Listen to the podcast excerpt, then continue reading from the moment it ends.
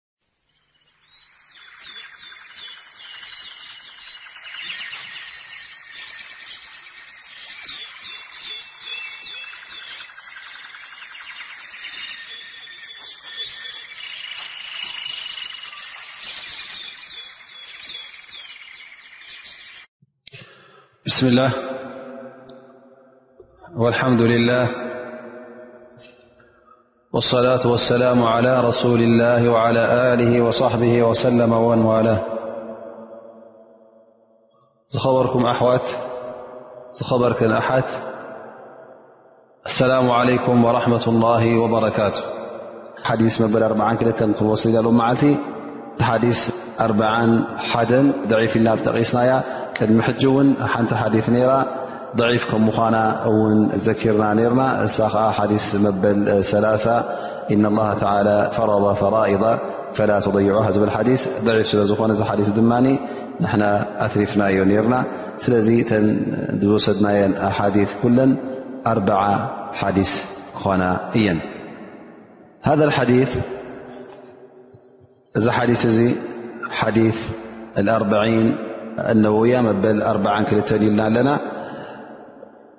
يقول هذا الحديث الحديث الثاني والأربعون عن أنس - رضي الله عنه - قال سمعت رسول الله - صلى الله عليه وسلم - يقول قال الله تعالى يا ابن آدم إنك ما دعوتني ورجوتني غفرت لك على ما كان منك ولا أبالي يا ابن آدم لو بلغت ذنوبك عنان السماء ثم استغفرتني غفرت لك يا بن آدم إنك لو أتيتني بقراب الأرض خطايا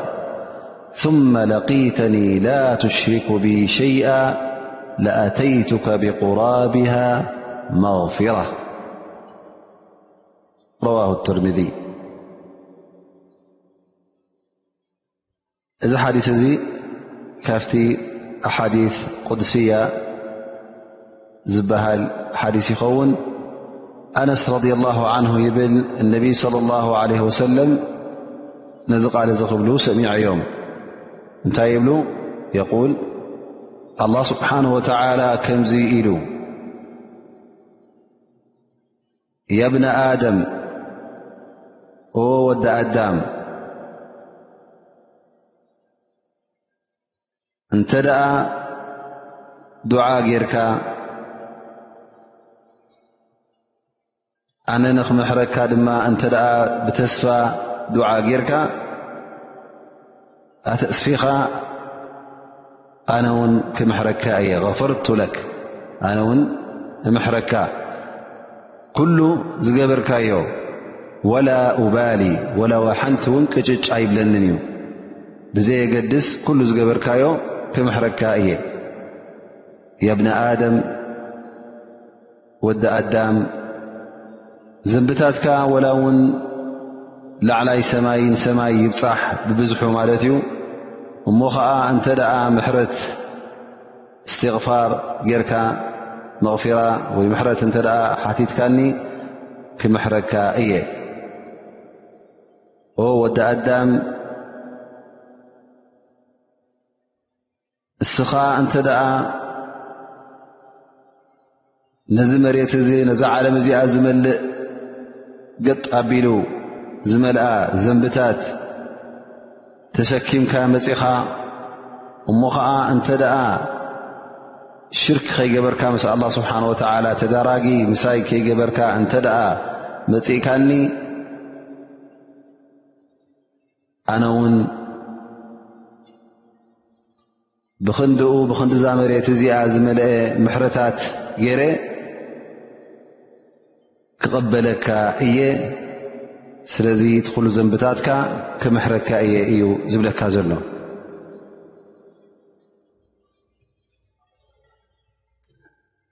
ኢዘን እዚ ሓዲስ እዚ እቲ ሓፂር ትንተናናቱ እዚ ይኸውን ማለት እዩ እንሻ ላ ሕጂ ድማ ናፍቲ ሰፊሕ ትንተና ንመሓላለፍ እዚ ሓዲስ እዚ እንተ ደኣ ኣስተብሂልናሉ ዓብዪ ትርጉም ዝሓዘለ ጉዳይ ናይ ተውሒድ እውን ዓብዪ ኣገዳስነት ከም ዘለዎ ማለት ሓድነት ኣላ ስብሓን ወተዓላ ክተዕቅብ ከለኻ ህይወትካ ብተውሒድ ንሓደ ኣላ ስብሓን ወተዓላ ጥራይ እናምለኽካ ክትከይድ ከለኻ እዚ ሓዲስ እዚ ሓዲስ ኣገዳሲ ሓዲስ ከም ምዃኑ ይበርሃልና ማለት እዩ ኣገዳስነቱ ድማ ኣበይ ንርእዮ እዚ ሓዲስ እዚ እቲ ወዲ ሰብ እንተ ደኣ ኣብ ተውሒድ ኣሎ ኮይኑ ማለት ሓደነት ኣላ ስብሓን ወተላ ዝዕቅብ ብጀካ ንሓደ ጎይታ ንሓደ ኣላ ስብሓን ወተላ ንካልእ ፍፁም ኣምልኾት ዘይህብ ክኸውን ከሎ ኣላ ስብሓን ወተላ ትዘንቡ ወላ እውን ይብዛሕ ክምሕሮ ከም ምዃኑ እቲ ምሕረት ኣላ ስብሓን ወተዓላ ድማ ዘይተኣደነ ወሰን ዘይብሉ ምሕረት ከም ምዃኑ ንርኢ ኣለና ማለት እዩ ከምኡ ውን እዚ ሓዲስ እዚ ጉዳይ ምሕረት ካብ ኣላ ስብሓን ወተዓላ ምሕታት ንሕፈት እስትቕፋር ካብ ኣላ ስብሓን ወተዓላ ምሕታት ኣገዳሲ ስለ ዝኾነ እንታይ ዝብገብር ዘሎ ንዓና ይደፋፍኣና ኣሎ ማለት እዩ ምእንቲ ኩሉ ግዜ ነዚ ጉዳይ እዚ ከይንዝንግዕ መቕፊራት ኣላ ስብሓን ወተዓላ ምሕረት ኣላ ስብሓን ወተዓላ ካብ ዱዓ ከይንርሕቕ ኣላ ስብሓን ወተዓላ በዚ ሓዲስ ቁድሲ ገይሩ የዘኻኽረና ኣሎ ማለት እዩ እንተ ዳኣ ሪኢና እዚ ሓዲስ እዚ እነቢ ስለ ላሁ ለ ወሰለም ከምቲ ካብ ኣላ ስብሓን ወተዓላ ዘመሓላለፍዎ ቃል ያብነ ኣደም ኢላ ትጅምር ማለት እዩ ኣንታ ወዲ ኣዳም ዎ ኣንታ ወዲ ኣዳም ብ ወዲ ኣዳም ማለት ናብ መን እዩ ናብ ሰይድና ኣደም ነብላ ኣደም ናብኡዩ ዝመልሰና ዘሎ ምክንያቱ እቲ መጀመርያ ኣላ ስብሓን ወላ ዝለቆ ኣ ስብሓን ወላ ዝፈጠሮ ኣደም ስለ ዝኾነ እሞ ኩላህና ደቂ ሰብ ዘበልና ኩላህና ደቂ ኣዳም ኢና እቲ ፃውዒት ናይ ነቢና ሙሓመድ ለ ላ ለ ወሰለም እቲ ናይ እስልምና ፃውዒት ድማ ጥራይ ንውሱናት ሰባት ኣይኮነን እንታይ ደኣ ንምሉእ ሰብ እዩ መፅኡ ንምሉእ ዓለም እዩ መፅኡ እቲ ዳዕዋናት እውን ናብ ኩሉ ንኽበፅሕ እዩ መፅኡ ማለት እዩ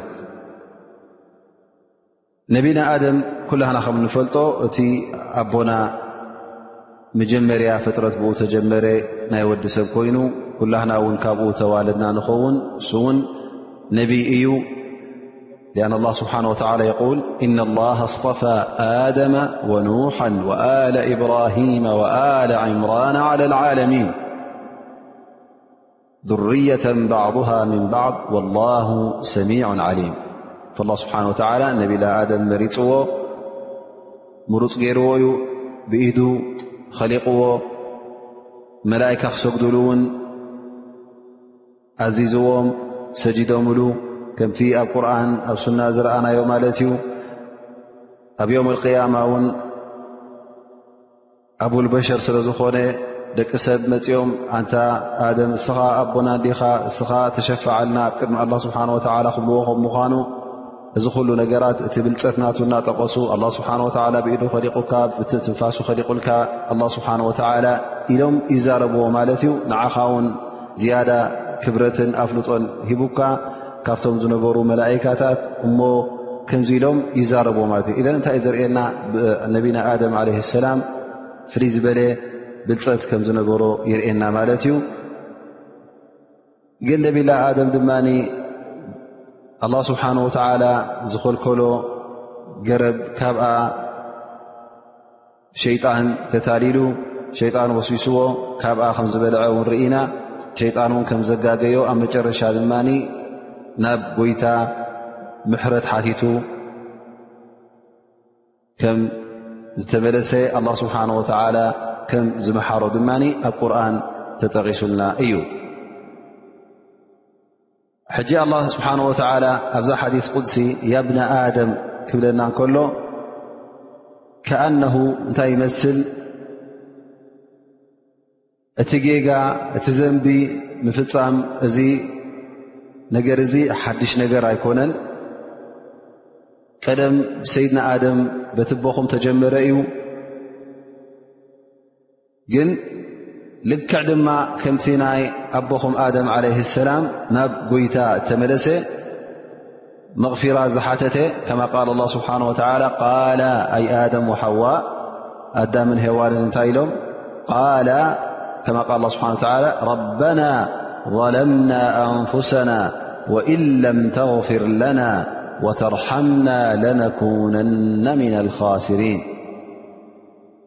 ኣንታ ጎይታና ንሕና ነብስና ወፂዕና ኢና እሞ እንተ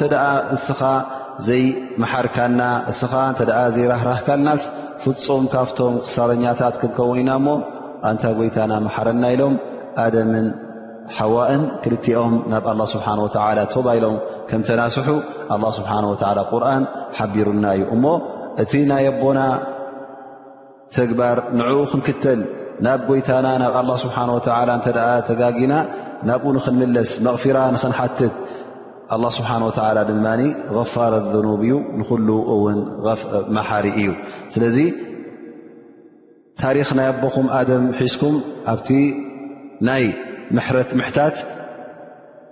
ናብኡ ተወጅሁ እዩ ዝብለና ዘሎ ማለት እዩ ከኣ ላ ስብሓን ወላ ኣብዛ ሓዲስ እዚኣ ያብነ ኣደም ክብል እንከሎ ሕጂ ምስኡ የተኣሳሰረልና ኣሎ ማለት እዩ ወዲ ሰብ ድማ ከምቲ ዝበልናዮ የጋገ ሸይጣን የጋግዮ ሸይጣን ድማ ኩሉ ግዜ ኣጋግዩ ፅባሕ ንግሆ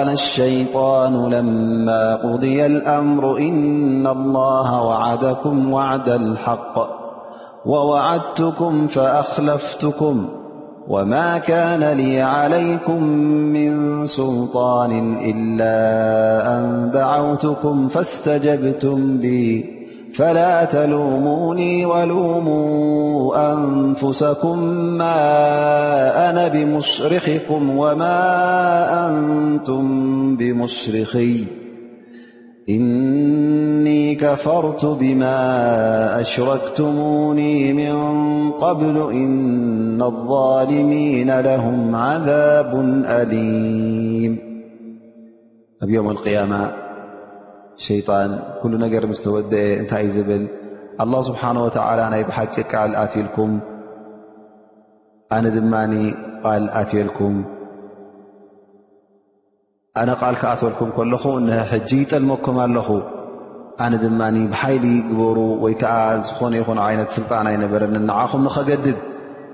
ግን እታ ዝገበርኩዋ ፀዊዐኩም እዚ መንገዲ ቕንዕና ኢለ መሪሐኩም ንስኹም ድማ ሰቂኩም ንዓይ ስዒብኩም ፈስተጀብቱም ፈላ ተሉሙኒ ወሉሙ ኣንፍሰኩም ፈፂምኩም ንዓይ ኣይትሕመዩ ነፍስኹም ድኣ ሕመዩ ኣነ ኣየገላግለኩምን እየ ንዓይ ዘገላግለኒ ንስኹም ኣይተገላግሉኒ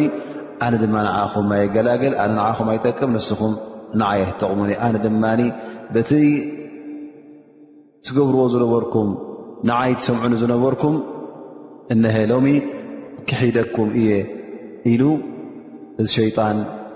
ካባና ይርሕቕ ስለዚ ከምዚ ካብ ኮነ ስለምንታይ ኢና ነዚ ሸይጣን እዚ ደድሕሪኡ ንስዕብ ፃውዒቱ ንኽተል ፈፂምና ክንክተል የብልናን ክንጥንቀቕ ኣለና ጠብዓ ሕጂ እዚ ሓዲስ እዚ ኩሉ ኣብ ምንታይ እዩ ዝፀቅጥ ዘሎ ኣብ ናይ ምሕረት ምሕታት መቕፊራ ምሕታት ካብ ኣላ ስብሓን ወተላ ኣላ ስብሓን ወተላ ድማ ፍፁም ምሕረተኛ ከም ምዃኑ ምሕረት ክንሓትት እንከለና ድማ እቲ ዱዓ ናህና ወይ ከዓ እቲ መቕፊራ ናህና እቲ ምሕረት ምሕታትና ድማ ቅቡል ክኸውን እንተ ደኣ ደሊና ቀዳማይ ነገር ዱዓ ክንገብር ኣለና እዚ ሓዲስ እዚ እንታይ እዩ ዝብል ዘሎ ያብኒ ኣደም እነከ ማ ደዓውተኒ ማለት ኣብቲ ዱዓ ትገብረለይ ግዜ ኣብቲ እዋናትካ ዱዓ ትገብረለይ ንዓይ ትጥርዕ ካባይ ትሓትት ፀሎት ትገብረለይ እዋን እሞ ኸዓ እዚ ጸሎት ወይ ከዓ እዚ ዱዓ እዚ ጥርዓን እዚ ተስፋ ዝመልኦ ክምሕረካ ከም ምዃነይ ብተስፋ ዱዓ ክትገብር እንከለኻ ካባይ ክትጠልብ እንከለኻ ኣነ ድማ ይምሕረካ እየ ኢሉና ማለት እዩ እዘን እታ ዱዓ ንገዛ ርእሳ ዓባይ እያ ኣን ኣላ ስብሓን ወተዓላ እውን እንታይ ይብል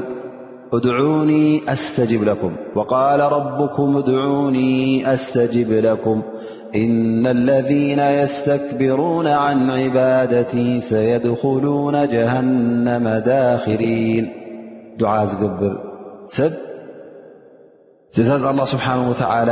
ተኸቲሉ ማለት እዩ ወቃል ረብኩም እድዑኒ እዚ ትእዛዝ እዩ ንዓይ ዱዓ ግበሩ ካባይ ሕተቱ ንኻልእ ግልፅ ኣይትበሉ ኣነ ድማ ዱዓኹም ክቕበሎ እየ ኣስተጅብ ለኩም ጥርዓንኩም ክቕበሎ እቶም ካብ ኣምልኾት ናተይ ንዓይ ንኸየምልኹ ብትዕቢት ዱዓ ብ እቲ ዱዓ ንገዛእ ርእሱ ኣምልኾት መሃቢ ንመን ንጎይታ ንሓደ ኣላ ስብሓን ወተዓላ እሞ ዱዓ ንኸይትገብር ትዕቢት ጌርካ እንተ ደኣ ንኣላ ስብሓን ወተዓላ ዘይጠራዕካን እሞስኻ በዓል ትዕቢት ስለ ዝኾንካ ንጀሃንም ኢኻ ማለት እዩ ዱዓ እንታይ ማለት እዩ ምምህላል ናብ ጎይታ ናብ ኣላ ስብሓን ወተላ ክሳትካ ንስኻ ኣድኒንካ ብትሕትና ናብ ኣላ ስብሓን ወተላ ክትቀርብ ከለኻ ብትሕትና ዝመልኦ ቃላት ጌርካ ንኣላ ስብሓን ወተላ ምሕረት ክትሓትት ከለኻ እዚ እዩ እቲ ዱዓ ዝበሃል በል ኣላ ስብሓን ወተላ ብዝያዳ እንተ ዱዓ ዘይትገብር ኮንካ ዘይትሓትት ኮንካ እውን ዝያዳ እዩ ዝቁጣዓልካ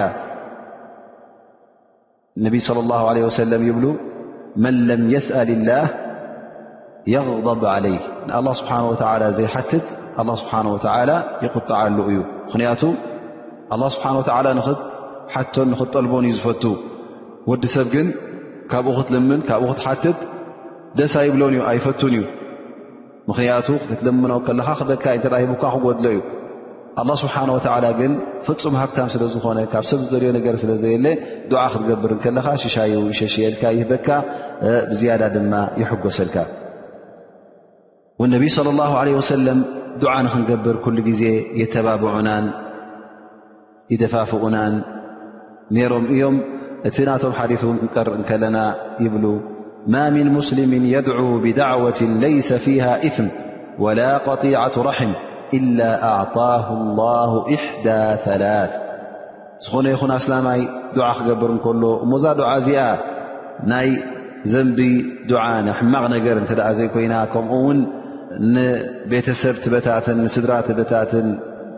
ትቆራርፅ እንተ ዘይኮይና ኣላ ስብሓን ወተላ እዚ ትገብሮ ዘለኻ ዱዓ ካብ ሰለስተ ሓንቲ ክበካ እዩ ወይ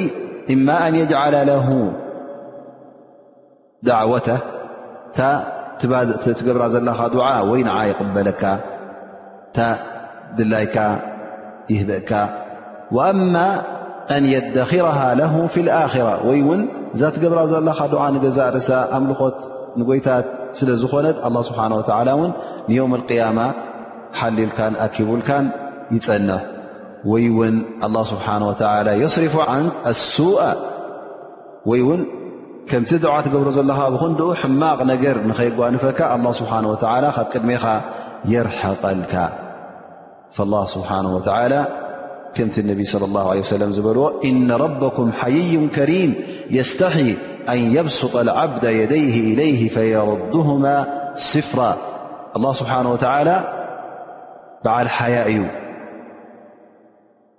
ለጋስ እዩ ባሪኡ እንተ ኢዱ ወስ ኣቢሉ እተ ኢዱ ዊጥ ኣቢሉ ዱዓ ገይሩ እውን ኣላ ስብሓን ወተላ ጥራይ ኢዱ ንኽመልሶ ነዚ ባሪኡ ስለ ዘሕፍሮን ሓያ ስለ ዝገብር ኣላ ስብሓን ወተላ ንኢድ ወዲ ሰብ ጥራያ ኣይመልሳን እዩ ኢሎም ነቢይ ለ ላ ለ ወሰለም ሓቢሮምና እዮም ዱዓ እውን እቲ ዘንብታትካ ንመቕፊራ ንኸብቅዖ እንተ ደኣ ኮይኑ ግዴታ ምዚ ነዚ ዱዓ እዚ ክትገብር ከለኻ እቲ ክማላእ ዝግብኦ ቅድሚ ኩነት ከተማልእ ኣለካ ካብቲ ዕንቅፋታት ናቱ ወይ ከዓ ካብቲ መጋረዲታት ናይ ዱዓ እውን ካብኡ ክትርሕቕ ኣለካ ቀንዲ ነገር ዱዓ ክትገብር ከለኻ ልብኻ ምሳኻ ክህሉ ኣሎ ኣብቲ ዱዓ ኣብኡ ክትረግፅ ኣለካ ብማዕና ዱዓ ክትገብር ከለኻ ልብኻ ኣብ ካልእ ጥራይ ብመልሓስካ ኣይኮነን እንታይ ደኣ እቲ መልሓስካን ልብኻንሲ ሓድር ክኸውን ኣለዎ እነ ላ ስብሓን ወተላ ላ የስተጂቡ ዱዓء ምን ቀልቢ غፍል ላሂን ላ ስብሓን ወተላ ካብ ህልእ ጥፉእ ልቢ ሕዱር ዘይኮነ ልቢ እንተ ዱዓ ዝገብር ኣሎ ኮይኑ ኣላ ስብሓን ወተላ ድዕኡ ኣይቅበሎን እዩ ከምኡ ውን ዱዓ ክትገብር ከለኻ ኣላ ስብሓን ወተላ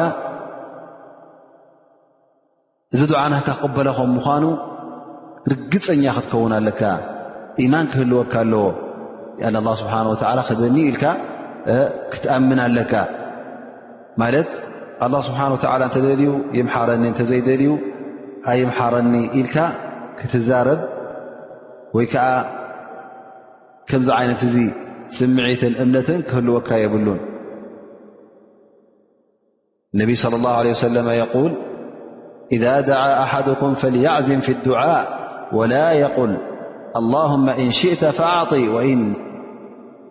ፈኢና ላሃ ላ ሙስተክሪሃ ለህ ነቢ ስለ ላ ለ ወሰለም ዱዓ ክትገብሩ ከለኹም ብሓይሊ ደኣ ዱዓ ግበሩ ኢኹም ኣላ ስብሓን ወላ እተ ደሊኻ ሃበኒ እተደሊኻ ወንድሓኒ ኣይትበል እንታይ ደኣ እንታ ጎይታይ ሃበኒ ኣነ ከምዝከምዝን የድልየኒ ኣሎ ዝንዝን ጎዲሉኒ ኣሎ ኦ ጎይታይ ንዓይ ከም ዝግብርለ ኢልካስ ሕተት ኢኻ እተሓትት ከለኻ ድማ ነቲ ሕቶኻ ኣረጋጊፅካ ኣቕርቦ ኢኻ ሊኣን ኣላ ስብሓን ወተዓላ ዝገድዶ ኣስለን የለን እተ ደሊኻ ሃበን እተዘይደሊኻ ግድፎ ክትብል የብልካ ንጎይታኻ እንታይ ደኣ እስኻ ኣብ ትሕቲኡ ኮንካ ምሽኪንና ኣርኢኻ ባርያ ስለ ዝኾንካ ንኣላ ስብሓን ወተዓላ ደጊምካ ደጋጊምካ ሓንሳእ ክልተሻዕ እውን ኣይኣክልን እዩ እንታይ ደኣ ኢልሓሕ ክህሉ ኣለዎ ወጎይታ ኢልካ ክትደጋግም ኣለካ ሊኣን ኣላ ስብሓን ወተዓላ ምእንቲ ክህበካ ማለት እዩ እቲ ባርነትካን ትሕትናኻን ከተርኢ እንከለኻ እዚ ነቲ ዱዓኻ ንቕቡል ንክኸውን ኣላ ስብሓን ወተላ ከምዚ ዝኣመሰለ ከተማልእ ከለኻ ኣላ ስብሓን ወተላ ይቕበለካ ከምኡ ውን እቲ ረጃእ ዝበልናዮ ተስፋ ዝበልናዮ ኩሉ ግዜ ሙእምን በዓል ኢማን ተስፋ ክህልዎ ኣለዎ ተስፋ ክበሃል ከሎ ድማ ኣላ ስብሓን ወተላ ድዓኻ ከም ዝቕበለካ ተስፋ ትገብር ምሕረካ ከም ምኳኑ ተስፋ ትገብር ር ሒዙልካ ከምዘሎ ሰናይ ኣዳልዩካ ከምዘሎ ኩሉ ግዜ ተስፋ ክትገብር ኣለካ ማለት እዩ እዚ ተስፋ ምግባር ድማ መዓስ ኢኻ ተስፋ ትገብር እተ ሰናይ ፅቡቕ ትገብር ኣለካ ኮንካ ግን ሕማቕ ነገር እናገበርካ ማዕስያ እናፈፀምካ ከም ድላይካ እናዓንደርካ ኣላ غፍሩ ራሒም እናበልካ ክትከይድ ከለኻ እዚ ተስፋ ምግባር ኣይኮነን እዚ ጥፍኣት እዩ ንገዛ ርእሱ ተስፋ ምግባር ኣይኮነን ካብ ተስፋ እውን ዝረሓቀ እዩ እዚ እንታይ እዩ ዕሽነት ይበሃል ዕሽነት ይበሃል ጥፍኣት ይበሃል ዳኣ እምበር ተስፋ ክበሃል እንከሎ እንተ እናፈራህካን እና ተስፋ እናገበርካን ክትከይድ ከለኻ እነቢ ስለ ላ ለ ወሰለም ኣብቲ ግዜኦም ሓደ መንእሰይ ዓፅረሞት ሒዝዎ ናብ ሞት እናተቃረርበ ከሎ ዝያራ ክገብርሉ ይመፅዎ ማለት እዩ ፈእነቢ ስለ ላ ለ ሰለም ይሓትዎ ከይፈ ተጅዱ ከመይ ኣለኻ ከመይ ትኸውን ኣለኻ ኢሎም ምስ ሓተትዎ ይቃል ኣርጁ ላ ወኣኻፉ ኑቢ ተስፋ ካብ ኣላ ኣለኒ ኣብ ርእሲኡ ግን እቲ ዝገበርክዎ ገበናት እቲ ዝገበርክዎ ዘንብታት የስግኣንን የፍርሃንን ኢሉ ፈነቢይ صለ ላሁ ለ ወሰለም እንታይ ይብልዎ ላ የጅተሚዓኒ ፊ ቐልቢ ዓብድ ፊ ሃذ መውጥን ኢላ ኣዕጣሁ ላሁ ማ የርጁ ወኣመነሁ ምማ የኻፍ እዘን ክልተ ነገራት እታ ፍርሃትን እታ ተስፋን ኣብ ዘለኻዮ ሰዓት እንተ ልብኻ ኣለዋ ኮይነን ኣብ ዝኾነ ይኹን ልቢ ሰብ ውን እተ ኣለዋ ኮይነን ኣብዚ ከም ዝኣመሰልካዮ እዋን ግዜ ኣላ ስብሓን ወተዓላ እቲ ትትምነዮን እቲ ትትስፈዎን ዘለኻ ይህበካ ካብቲ ትፈርሆ ዘለኻ ድማ ኣላ ስብሓን ወተዓላ የናግፈካ ኢሎም እነቢ ለ ላ ለ ወሰለም ፈነቢ ለ ላ ለ ወሰለም ኣላህ ስብሓን ወተዓላ ብጣዕሚ በዓል ርህራሀ ከም ምዃኑ ንባሮቱ ድማ ኩሉ ግዜ ዝምሕርን ዝንሕፍን ከም ምዃኑ እነሀ በዚ ሓዲታት እዚ ገይሮም ነቢና ሙሓመድ ለ ላ ለ ወሰለም የረጋግፁልና ማለት እዩ لأن الله سبحانه وتعالى رحمنات سفح رهر كما قال النبي صلى الله عليه وسلم إن الله خلق الرحم يوم خلقها مئة رحمة فأمسك عنده ع وين رحمة وأرسل في خلقه كلهم رحمة واحدة ኣላ ስብሓን ወተዓላ እታ ርህራሄ ንገዛእ ርእሱ ክፈጥራ ከሎ ሚእቲ ርህራህ ገይሩ እዩ ፈጢርዋ ሓንቲ ርህራሄ ንባሮቱ ክህብ እንከሎ እቲ ተስዓን ትሽዓተ ርህራሄ ንዕኡ እዩ ወሲድዎ ንባሮቱ ምእንቲ ክርህርሃሎም ኢሎም እነቢይ ለ ላ ለ ወሰለም ሓቢሮምና እዮም ስለዚ ባርያ ኣላህ ዝኾነ ይኹን ኣስላማይ እዛ ተስፋን ፍርሃትን እንብላ ዘለና ይብሉ ዑለማ ልክዕ ከም ግልግለ ናይ በራሪ ክገብራ ኣለዎ ማለት ዝበረርላ መግልግለ ኣብ መንጎ ክልተ ግልግለ በራሪ ወይ ከዓ ዑፍ ክነፍር እንከሎ ብክልተ ግልግለ ነፍር እተ ሓንቲ ኮይና ክነፍር ኣይክእልን እዩ ስለዚ እነቢ ስለ ላሁ ለ ሰለም እዚአን ክልትኤንሲ ከም ግልግለ ግበርዎን ኢኹም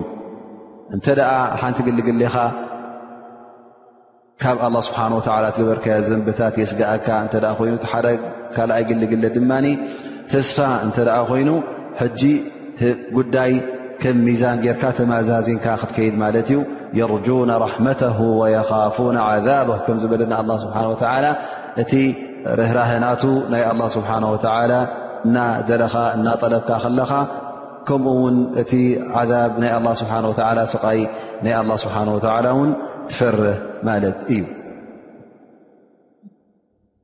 ብድሕሪ እዚ ኣብ ናይ ተስፋ ምቑራፅ ክንኣቱ እንተ ደኣ ኮይና ንሕና ተስፋ ኢልና ነርና ማለት እዩ እቲ ተስፋ ምቑራፅ ንገዛ ርእሱ ድማ እንታይ ይኸውን ኣላ ስብሓን ወተላ ዘይፈትዎ ካብቲ ዓበይቲ ዘንብታት ኮይኑ ንረኽቦ ማለት እዩ ምን ከባኢረ ኑብ ምን ከባር ኣኑብ ኮይኑ ንረኽቦ ማለት እዩ እንታይ እዩ እሱ ተስፋ ምቑራፅ ማለት ኣላ ስብሓን ወተላ ፍፁም ኣይምሕረንን እዩ ኣላ ስብሓን ወተላ እቲ ዝገበርክዎ ዘንበይ ኣይመሓርን እየ ሞኸላስ ኣኺሉኒ ኢልካ ከምዚ ዓይነት እዚ እምነት ኣብ ልብኻ ወይ ከዓ ከምዚ ዓይነት ተስፋ ምቑራፅ ኣብ ልብኻ እንተ ሓዲሩካ እዚ ዓቢ ጉድለት እዩ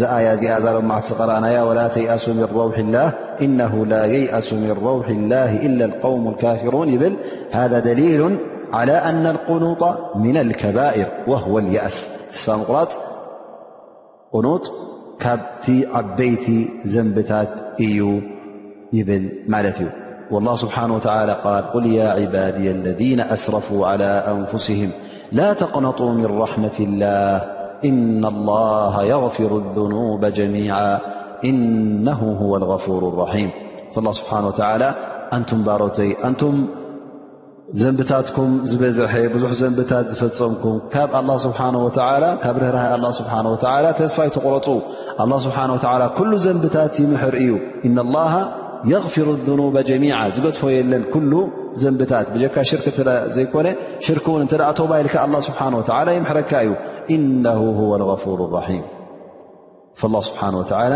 እቲ ቕኑጥ ዝበሃል ተስፋ ምቑራፅ ዝበሃል እዚ ሓራም ከም ምዃኑ ሎም መዓልቲ እዛ ደርሲ እዚኣ ንገዛእ ርእሳ ዓባይ ደርሲ እያ ምክንያቱ ሓደ ሰብ ዓመታት ይገብር ማለት እዩ ኣብ ምንታይ ኣብ ማዕስያ ኣብ ጥፍኣት ኣብ መጨረሻ ቶባ ግበር ክትብሎም ከለኻ ወይ ከዓ ረቢ ፍራህ ክትብሎም ከለኻ እንታይ ይብል ኣነ ድሕሪ ሕጂ እሞ እንታይ ክኸውን እየ ኢሉ ተስፋ ይቆርፅ እዚ ዝገበርክዎ ገበናት ንገዛእ ርእሱ መዓስ ቀሊል ኮይኑ ኢሉ ተስፋ ቆርፅ ኣብቲ ጥፍኣቱ ድማ ኣብኡ ይቕፅል ስለዚ እዚ ነገር እዚ እዚ ከምዚ ዓይነት ተስፋ ምቁራፅ ኣድላይ ከምዘይኮነ ሓራም ከም ምዃኑ እውን ነሀ ሎሚ ኣብዚ ሓዲስ እዚ ንርዳእ ኣለና ማለት እዩ ኣላ ስብሓን ወተላ ኣብዚ ሓዲት ቁድሲ ነቢና ሙሓመድ ለ ላ ለ ወሰለም ዘመሓላለፎ ክንርኢ እንተ ኮይና እውን እንታይ ይብል መ ስተغፈርተኒ እንታ ወዲ ኣዳም ዘንብታትካ ሰማይ እንተ ዝበፅሕ ኣ ለው በለغት ذኑብካ ዓናነ ሰማء ኢሉ ሽዑ ማለት ዘንብታትካ ብሰንኪ ብዝሓታ ላዕላይ ሰማይ ወይ ንላዕሊ ንሰማይ ገፃ በፂሓ ብሰንኪ ብዝሐናታ እሞ ብድሕሪኡ እውን እንተ እስትቕፋር ሓቲትካ ኣላ ስብሓን ወተላ ክቕፍረልካ ክምሕረካ እዩ ዛንታ ናይቲ ቅድሚ ሕጂ እውን ነቢ ለ ላ ሰለም ዛንታ ናይቲ ሚእቲ ሰብ ዝቐተለ እውን ነጊሮም እዮም እነቢ ስለ ላ ለ ሰለም እሱ ከዓ ሓደ ሰብኣይ ተ ትሽዓ ሰብ ምስ ቀተለ ከይዱ ንሓደ ዓብድ ዕልሚ ዘይብሉ ላኪን እተረኣዮ ካብቶም ዒባዳ ዝገብሩ ካብቶም ፈራሃት ረቢ ኮይኑ ተሰሚዕዎ ከይዱ ተሓተቶ ኣንታ ኣነስ ተ ትሽዓ ሰብ ቀትለ እሞ ንረቢ ዶ ይቕፍረለ ይምሕረ ንኸውን ኢሉ ይሓቶ እሞ እሱ ከዓ እንታይ ይብሎ ተሰዓ ትሽዓ ሰብ ቀትልካ ሞ ሕጂ ረቢ ክቕፍረልካ ደሊ ኣለኻ ኢሉ ተዛሪቡ ከምዚ ኣይረቢ ንዓኻስ ድምሕረኒ መስለኒ ኢሉ ምስ ተዛረቦ እሞ ኻላስ ኢልዎ ምምሓር እተ ደይብላ ኮይና መመላእታ ሚቲ ድማ ንዓኻ ክገብረካ ኢሉ ቀትልዎ ማለት እዩ ፀኒሑ ፀኒሑ ግን ዳሕራይ ኣብ መጨረሻ ናብ ሓደ ፈላጥ ናብ ሓደ ዓለም ናብ ሓደ ምሁር ከይዱ ዕልሚ ዝፈልጥ ናብኡ ከይዱ ሓቲትዎ ኣነ ሚቲ ቀትለ እሞ ከመይ እዩ ኣነ ስቕፍረለይ ዩ ረቢ ኣይቕፍረለይ ናይ ምሕረኒ ዶ ኢሉ ምስ ሓተቶ መን ኣብ መንጎኻን ኣብ መንጎ ጎይታኻን ኮይኑ ይኽልክለካን ይጋርደካን ኣብ መንጎ ቶባናትካ ኮይኑ ቶባኻ ዝዓግት የለን ኢሉ ምስ ተዛረቦ ቶባ ንኽብል ወሲኑ ፈኢዘን ኣላ ስብሓን ወተዓላ ድማ መጨረሻ ቶባ ኢሉሉ ምሒሩሉ እዩ እዘን እቲ እስትቕፋር ዝበሃል መቕፊራ ምሕታት ካብ ኣላ ስብሓን ወተዓላ ዝኾነ ይኹን ዘንቢ ጌርካ ወላ እውን ይብዛሕ ኢልና ቅድሚ ሕጂ እውን ኣብ ታሪክ ተጠቒሱልና እዩ እነቢ ስለ ላ ለ ሰለም ጠቒሶምልና እዮም ስለዚ ክውን ነገር ስለ ዝኾነ ነዚ ነገር እዚ ኩሉ ግዜ ተገዲስና እቲ ዘንብታትና ግዴታ ክበዝሕ የብሉን ወላ እንተበዝሐ ድማ ተስፋ ክንቆርፅ ከምዘይብልና እዩ ዝሕብረና ዘሎ ማለት እዩ ስለዚ እስትቕፋር ንገዛእ ርእሱ ዋጅብ እዩ ግዴታ እዩ ወላ እውን ዘንቢ ከዘይብልካ ከለኻ እስትቕፋር ክገብር ከለኻ ዒባዳ እዩ ነቢ ስለ ላ ለ ወሰለም ኣላ ስብሓን ወተላ እቲ ዝሓለፈን ቲዝመፅእ ዘሎን ዘንቢ ምሒርዎም እንከሎ ግን ኣብ መዓልቲ ካብ ሰ ንላዕሊ ሰ ግዜ እ ኣስተቕፊሩ ፍልዮም ወለ ሰ መራ ወል መራ ሸ استغفار جبرنيرمالت والله سبحانه وتعالى قال واستغفر الله إن الله غفور رحيم فسبح بحمد ربك واستغفره لن الله سبحانه وتعالى استغفاركن قبر باخنب ሓቢሩና ማለት እዩ እስትቕፋር እውን ኣላ ስብሓን ወተዓላ እዚ ተግባር እዚ ግሩም ፅቡቕ ተግባር ስለ ዝኾነ ኣላ ስብሓን ወተዓላ ነዚ ነገር እዚ ወዲስዎ እዩ ነቶም እስትቕፋር ዝገብሩ ኣላ ስብሓን ወተዓላ ወዲስዎም እዩ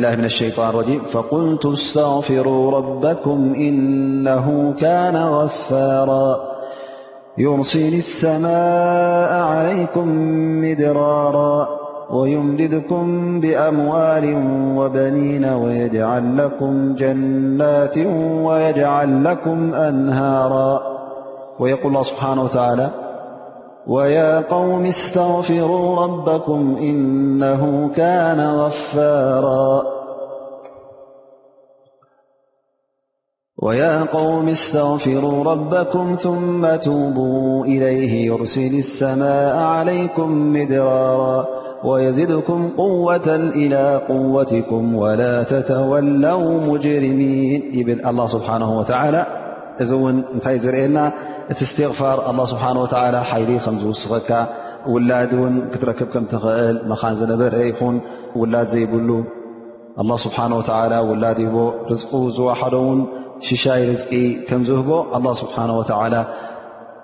ይሕብረና ኣሎ ማለት እዩ እስትቕፋር ብ እስትቕፋር ክትገብር ከለኻ ብዙሕ ዓይነት እዩ ማለት እቲ ኣብሃህላ ናቱ ወይከዓ እትጥቀሞ ቃላት እተ ክንርኢ ኮይና ብዙሕ ዓይነት ኣሎ ተፍሩ ላ ም ክትብል እተ ኮይኑ ስተፍሩ ላ ኣቡ ኢለ ዲካ ትብል ከመይ ጌርካ ኢኻ ስቀት እስትቕፋር እተ ክንርኢ ኮይና ነቢ صለ ላه ለ ሰለም ሓደ ካብቲ ዝጠቀሱልና ሰይድ እስትቕፋር ዝበሃል ኣሎ ማለት እቲ ልዑል ዝኾነ እስትቕፋር ናይቲ እስትቕፋር ዝለዓለ ኣገባብ ወይ ከዓ ዝለዓለ ቃላት እንተ ክንወስድ ኮይና ሰይድ እስትቕፋር ዝበሃል ኣሎ እሱ ከዓ እንታይ እዩ ከምቲ ነቢ ስ ሰለም ዝበልዎ ኣላሁመ ኣንተ ረቢ لا إله إلا أنت خلقتني وأنا عبدك وأنا على عهدك ووعدك ما استطعت أعوذ بك من شر ما صنعت وأبوء لك بنعمتك عليه وأبوء لك بذنبي فاغفر لي فإنه لا يغفر الذنوب إلا أنت سيد الاستغفار لأن النبي صلى ال ليه وسلم قال إذا قالها حين يمسي فمات دخل الجنة ኣው ካነ ምን ኣህሊ ጀና እተ ምሸት ኢልካያ ነዛ ዱዓ እዚኣ ነዛ እስትቕፋር እዚኣ ነቢ ለ ላ ሰለ እዛ መዓልቲ እዚኣ እተ ሞትካ እዛ ለይቲ እዚኣ ካብ ኣህሊ ልጀና ኢኻ ትኸውን ኢሎም ማለት እዩ ኣላሁማ ኣንተ ረቢ ኣንታ ኣላ እስኻ ጎይታ ኢኻ ንዓይ ከሊቕካኒ ኣነ ባርያ ኸኣየ ኣነ ድማ ኣብቲ ዝሃብካኒ ቃልን ዋዕድን ኪዳንን እየ ዘለኹ ብዝከኣለኒ ካብ ኩሉ ገበናተይ ድማ ካብ ኩሉ ሕማቓተይ ድማ ዝገበርክዎ ሕማቓት ናባኻ ይዕቆብ ኣለኹ እቲ ሽሻያ ድማ ናባኻ ይመልሶ ስለዚ ዝገበርክዎ ዘንብታት ድማ ብጀካኻ ዝምሕሮ ስለ ዘየለ ናባኻ ይምለስ ነቲ ዘንበይ ተሰኪመ ስለዚ ኣንታ ጎይታይ መሓረኒ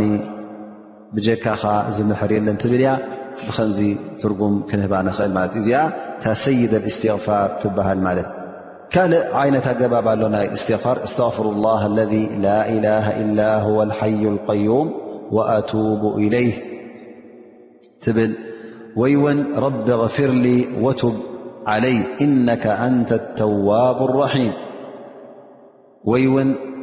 ስብሓነከ ላሁመ ወብሓምድ ኣስተغፍሩካ ወኣቱቡ ኢለይክ ከምዚ ዝኣመሰለ እስትቕፋር ትገብር ማለት እዩ ወይከ ኣስተغፍሩ ላ ዓظም ኣቱቡ ኢለይ ተበልካ እዚ ኩሉ ናይ እስትቕፋር ምሕታት ኣገባብ ወይ ከዓ ቃላት ስለ ዝኾነ ብኸምዚ ጌርካ ትገብር ማለት እዩ ኩሉ ግዜ እታ እስትቕፋር ምስ ቶባ እውን ተላጊባ ንረኽባ ማለት እዩ ተውባ ክትብል እንከለኻ ድማ ብዝዓበየ ንስሓ ይኸውን ማለት እዩ እስትቕፋርን ተውባን እውን ምናልባሽ ሓደሓደ ግዜ ከም ሓደ ትርጉም ሒዙ ክኸይድ ይኽእል እዩ ላኪን እቲ እስትቕፋር ኩሉ ግዜ ናይቲ ዝሓለፈ ዘንብታት ቀንዕኡ ምሕረት ምሕታት ክኸውን ከሎ ተውባ ድማ ብድህሪ ሕጂ ኣብ ከምዚ ዝኣመሰለ ዘንቢ ንኸይ ትወድቕ ቃል ትኣቱ ኣለኻ ማለት እዩ ወይ ከዓ ሃቂንካ ትዛረብ ኣለኻ ማለት እዩ ምክንያቱ ንስሐ ስለ ዝኾነ ዝገበርካዮ ጣዒሱካ ድሕሪ ሕጂ ከምኡ ንኸይትብድል ዝገበርካዮ በደል ናይ ቀደም ክመሓረልካ ኢልካ ተበግሶ ክትገብር ከለኻ እዚ እቲ ንሳሐ ወይ ቶባ ዝበሃል እቲ ቶባ ንገዛርሱ ከምቲ ኩላትኩም ትፈልጥዎ ትኾኑ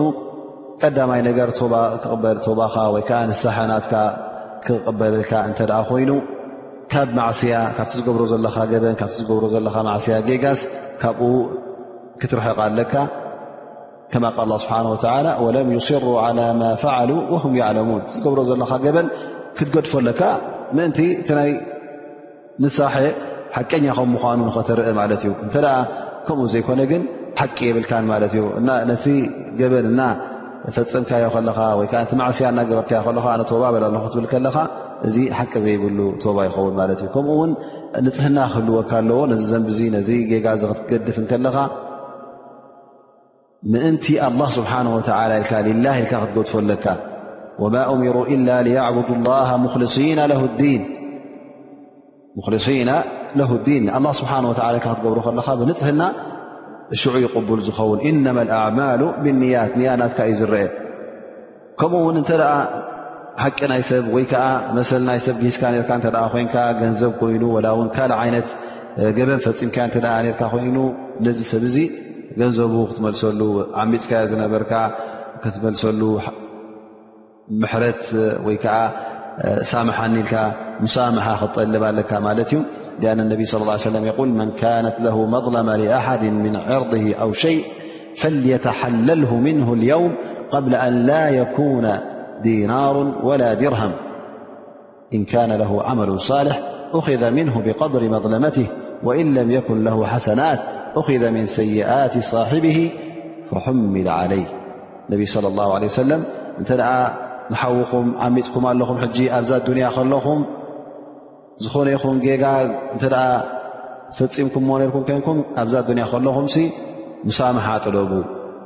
ፈለየተሓለል ምን ሓልለኒ በልዎ ማለት እቲ ዝገበርኩኻ ጌጋስ ሓላልካ ኢልካ ንገረኒ መሓረኒ በልዎ ፅባሕ ንግሆ ብገንዘብ ዘይጭረስ ነገር ሎሚ ምናልባሽ ብገንዘብ ክትፍትዎ ተኽእል ኢኻ ነተሓውኻ እተ ገንዘብ ውሲድካ ርካ ብገንዘብ ብቕርሺ ብናቕፋ ኮይኑ ብዶላር ኮይኑ ተዓፅዎ በዚታት ይጭር ግን ፅባሕ ንግሆ እዚ ገንዘብ እዚ ዘይብሉ እዋን ዘይጠቕመሉ እዋን ክመፅእ እዩ ሽዑ ድማ እንታይ ዩ ኣብ ምንታይ ክኸውን ኣብቲ ሰናይ ተግባራትካ ዝገበርካዮ ካብኡ ከሕድግካይ ማለት እዩ ማለት እተ ኣብ ኣዱንያ ከለካ ዓሚፅካ ነርካ ኮንካ ያ ኣላ እዚ ፍላን ወዲ ፍላንሲ ኣብ ኣዱንያ ከለኹ ከምዚ ከምዚ ገይሩኒ ዮም ምስከስሰካ ኣላ ስብሓን ወተዓላ እሞ እስኻ ካብ ገበን ካብ ፈፀምካ ኣብ ኣዱንያ ከለኻ እሞ ከዓ እዚ ሰብ እዚ ኣብ ኣዱንያ ከሎ ካብዘይ መሓረካ ካብቲ ሰናያት ዝገበርካ ካብቲ ኣጅርታት ናትካ ካብኡ ክፈሎ ክትበሃል ኢኻ እንተ እቲ ሓሰናት ናካ ቲ ኣጅርታት ናትካ ፅቡቓት ናትካ እተ ወዲኡ ድማ እንታይ ክኸውን እዩ ሽዑ ካብቲ ሰይኣት ካብቲ ዘንብታት ናቱ ከቃልል እዩ ኣብዚ ባንካ ክድርበ እዩ እሞ ኣብዚ መድረኽ እዚ ከይተበፅሐ ከሎ ጌና በዱንያ ከለናስ ቶባ ክንገበር ከለና እንተ ናይ ሰብ ዝወሰድናዮ ገንዘብ እንተ ኣብ ክብረቱ እተ ሕማቕ ፈፂምናዮ ነርና ኮይና ኩሉ እዚ ነገራት እዚ ሙሳምሓ ክንጠልብ ኣለና ማለት እዩ ፅባሕ ንጎ ምእንቲ ከይንኽሰስ ቶባ ክበሃል እንከሉ ድማ ኣብቲ ግዜ ሞት እታ ሩሕ ክትመልቕ ከላ ናይ ዓፅረ ሞት ምስ ቀረብካ ሽዑ ኣይኮነትን ትግበር እንታይ ደኣ ገና ብጥዕናኻ ከለኻ እዩ ዝግበር እና ላ ዘ ወጀል የቅበሉ ተውበት ዓብዲ ማ ለም ይغርቅር ኣ ስብሓን ወተላ ቶባ ባሪኡ እንተ ደኣ ኣብታ ግዜ ቐርቀራ ኣብታ ናይ ሞት ሰዓት ኣፍታ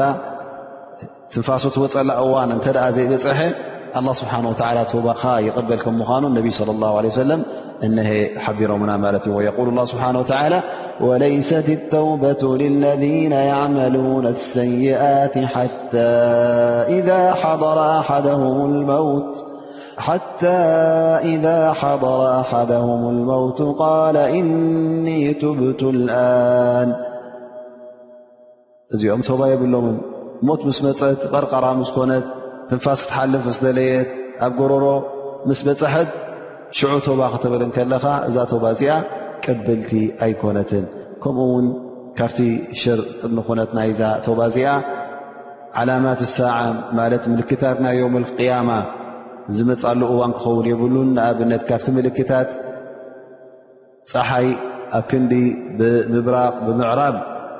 ትወፀሉ እዋን ክመፅእ ስለ ዝኾነ ኣብቲ ሰዓት እቲ እንተ ቶባ ጠሊብካ እዚ ቶባኻ ቅቡል ኣይኮነን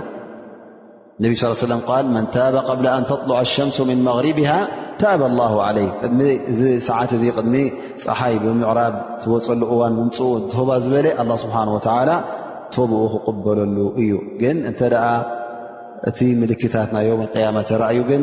ቶባኻ ቶባ የብልካ ከምኡ ውን ምጣዓስ ኣሎ ክጣዓስ ኣለካ ዝገበርካዮ ማእስያ ዝገበርካዮ ገበን ክጣዕሰካ ኣለዎ ምክንያቱ ስለምንታይ ካ ትጣዓስ እዚ ተግባር እዚ እከይ ተግባር ስለ ዝኾነ ዘይፍቶ ደስ ዘይብል ተግባር ስለዝኾነ እሞ ከዓ ንዓኻ ውን ደስ ከም ዘይበለካ ንኸተብርህ ክትጠዓስ ኣለካ ማለት እዩ ትጣዕሳ ክበሃል ከሎ ድማ እንታይ እዩ ዳሕራይ ዳሕራ ሕጂ ኣይገብርን እየ ማለት እዩ ተጣዒሰ ክብል ከሎ ከዓ ነቲ ዝገበርክዎ ቅድሚ ሕጂ ብድሕሪ ሕጂ እውን ንኽፍፅሞ ድልው ኣይኮንኩን ማለት እዩ ኣፈፂመ እውን ኣይክገብሮን ኢለ እየ ትምነ ዘለኹ ወይ ከዓ ዝህቅን ዘለኹ ማለት እዩ ምክንያቱ ተጣዓስካዶ ነገር መሊስካ ኣብ ጭቃኻ ኣይትመለስን ኢኻ ምክንያቱ ጉድኣት ናቱ ስለ ዝፈለጥካ ብ ኣብ መጨረሻ ብ ገና ቁሩብ ተሪፋላታ ሓዲ መዓኑ ሎም መዓልቲ ቁሩብ ኣንውሕናልኩም ኣይትሓዙና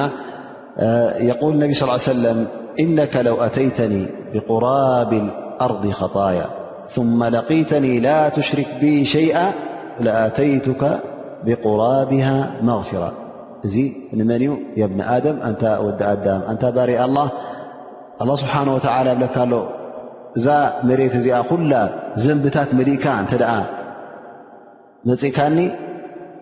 እሞ ክትመፀኒ ከለኻ እውን ሽርካ ከይገበርካ ምስ ኣላ ስብሓን ወተዓላ ማለት እቲ ኣምልኾትካ ንፁህ ፅሩይ ኣምልኾት ንጎይታኻ ንዓይ እንተ ነሩ ኮይኑ እቲ ዝገበርካዮ ዘንብታት ወላ እውን ነዛ መሬት እዚኣ ምልእ ዝመልኣ ይኹን ኣነ ድማ ክንዲዛ መሬት እዚኣ ዝመልኣ መቕፊራ ሒዘ ክቕበለካ እየ እዩ ዝብለና ዘሎ ኣላ ስብሓን ወላ ሽፉ ራሕመትላ ስብሓን ወተዓላ ራሕመት ላ ስብሓን ወተዓላ እቲ ርህራሃ ናቱ ክሳዕ ክንደይ ዓብ ከም ምዃኑ ርእይዎ ኣላ ስብሓን ወተዓላ እዛ ዱንያ ኩላ እዛ መሬት እዚኣ ዘንብታት ወላ ምልኣያ ኣነ ድማ ብክንዲ እዛ ዱንያ እዚኣ መቕፊራ ክቕበለካ የብለካ ኣሎ ማለት እዩ እዚ ክልተ ነጥቢ ኣገደስቲ ይርእየና ኣሎ ማለት እዩ ቀዳማይ ነጥቢ እቲ ተውሒድ እቲ ንኣምልኾት ኣላ ስብሓን ወተዓላ ምዕቃብ ንሓደነት ኣላ ስብሓን ወተዓላ ምሕላው ምስ ኣላ ስብሓን ወተዓላ ፈፂምካ ካልእ ተዳራጊ ዘይምግባር ክሳዕ ክንደይ ልኡል ከም ምዃኑ ክሳዕ ክንደይ ንዓኻ ዘኽብረካን ካብ ክንደይ ሽግራት ዘውፃካን ናብ መቕፊራት ናይ ኣላ ናብ ምሕረት ኣላ ስብሓን ወተዓላ ዘብፅሓካ ከም ምዃኑ የረድኣና ማለት እዩ ካልኣይ ነጥቢ ድማ ኣላ ስብሓን ወተዓላ ክሳዕ ክንደይ ርህሩህ ከም ምዃኑ ኣዝዩ ራህራሂ ከም ምዃኑ እሞ ኸዓ እዚ ኩሉ ዘንብታት ተሰኪምካ እናመፃእካ ኣብሽር እብለካ ኣሎ ኣላ ስብሓን ወተዓላ እንተ ደኣ ተውሒድ ኣለካ ኮይኑ እንተ ደኣ ንሓደ ኣላ ስብሓን ወተዓላ ጥራይ ተምልኽ ነርካ ኮይንካስ ኣጆኻ ኣይትፍራህ ኣነ ድማ ክምሕረካ እዩ ዝብለካ ዘሎ ማለት እዩ ስለዚ ምሕረት ኣላ ስብሓን ወተዓላ ዓብዪ ከም ምኳኑ እ ሽርክ ምስ ኣላ ስብሓን ወላ ተዳራጊ ምግባር ድማ ዓብ ዘንቢ ከም ምኳኑ ጥራይ ንሓደ ኣላ ስብሓን ወላ ከተምልኽ ከም ዘለካ እቲ ኣምልኾት እንብሎ ኩሉ ግዜ ደቂ ሰባት ምናልባሽ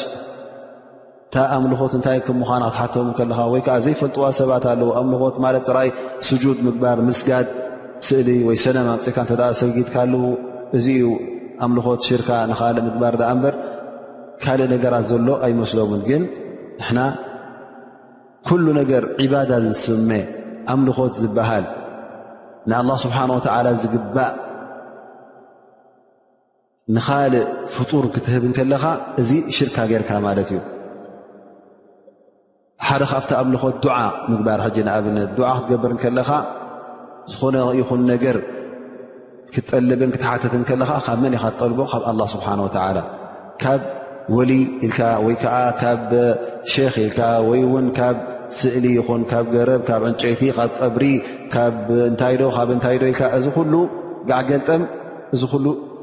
እንታይ ዝቁፅር ሽርክ ምስ ኣላ ስብሓን ወተላ ጌርካ ማለት እዩ ንኣላ ስብሓን ወተላ እተ ውላድ ተሓትት ኮንካ ካብ ኣላ ሓትት ርዝቂ ተሓትት እተ ኮንካ ሽሻይ ተሓትት እተ ኣለካ ኮንካ ጥዕና እተ ተሓትት ኣለካ ኮንካ ካብ መን ተሓቶ ካብ ኣላ ስብሓን ወላ ጀና ደሊኻ ካብ ኣላ ስብሓን ወተላ ኩሉ ነገራት ኣጅሪ ደሊኻ ካብ ኣላ ስብሓን ወተላ ሕተቶ ኢኻ لقمان عليه السلام يول وإذ قال لقمان لابنه وهو يعظه يا بني لا تشرك بالله إن الشرك لظلم عظيم وس عبي وسي يجلف لقمان من نولد نودو لذ نحن ن زعبت وسي لبون نقدف نسهر د بسب نحون ቀንዲ ነገር እንታይ ክትከውን ኣለዋ ካብ ሽርክ ክርሕዕካ ንሓደ ጎይታ ንሓደ ኣላ ስብሓን ወተላ ጥራይ ኣምልኾት ክትገብር ምኽንያቱ ኩሉ ነገር ብድሕሪኡ ክተራኽበሉ ትኽእል ኢኻ እንሻ ላ ግን እታ ቀንዲ ክተራኽበላ ዘይትኽእል ወላ ብሸፋዓ ናይ ዝኾነ ይኹን ፍጡር ክትወፅላ ዘይትኽእል ፅባሕ ንግ እና ላ ላ የغፍሩ ኣን ዩሽረከ ብ ወየغፍሩ ማ ዱነ ሊከ ልመን የሻእ ኣ ስብሓን ወተላ ምስ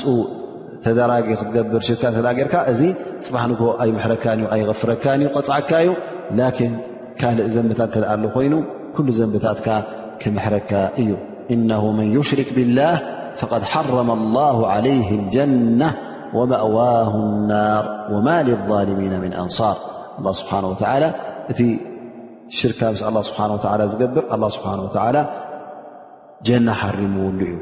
ጀና ንዕኡ ሓራሙ እያ ፍፁም ኣይርያን እዩ ኣይቀርባን እዩ ዝብለና ዘሎ ኣላ ስብሓን ወተላ ስለዚ ንጠንቀቕ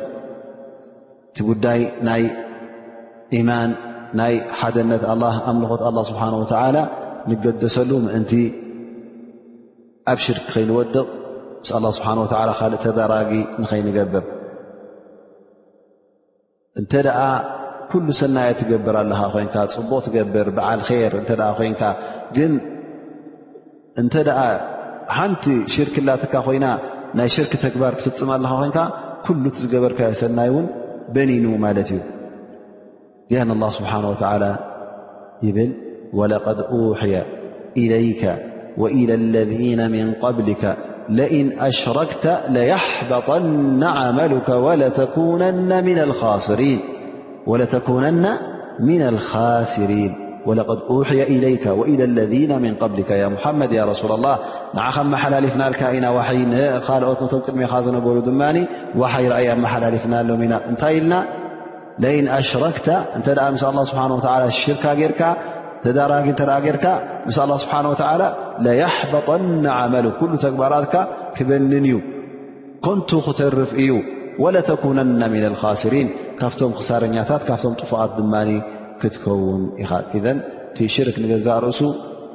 ወላቲ ሰናይ ነገራት ኩሉ ትገብሩ ነበርካ ሰላት ይኹን ስያም ይኹን ዘካት ይኹን ንመሳኪን ምዕንጋል ንዘኽታማት ምርኣይ ይኹን እዚ ኩሉ እንታይ ኸውን ማለት እዩ ከምዘይገበርካዮ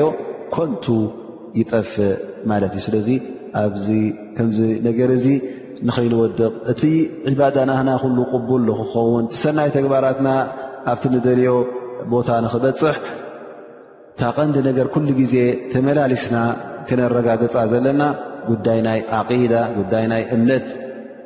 ትኸውን ማለት እዩ ምስ ኣላ ስብሓን ወተላ ካልእ ተዳራጊ ንእቱ ከይድህሉ ናልባሽ ን ሓደ ሓደ ግዜ እውን ኣሎ ሽርክ ዝበሃል ወይ ከዓ ሽርክ ኣስቀር እውን ዝበሃል ኣሎ ከይተፈልጠካ ሓደ ካብኡ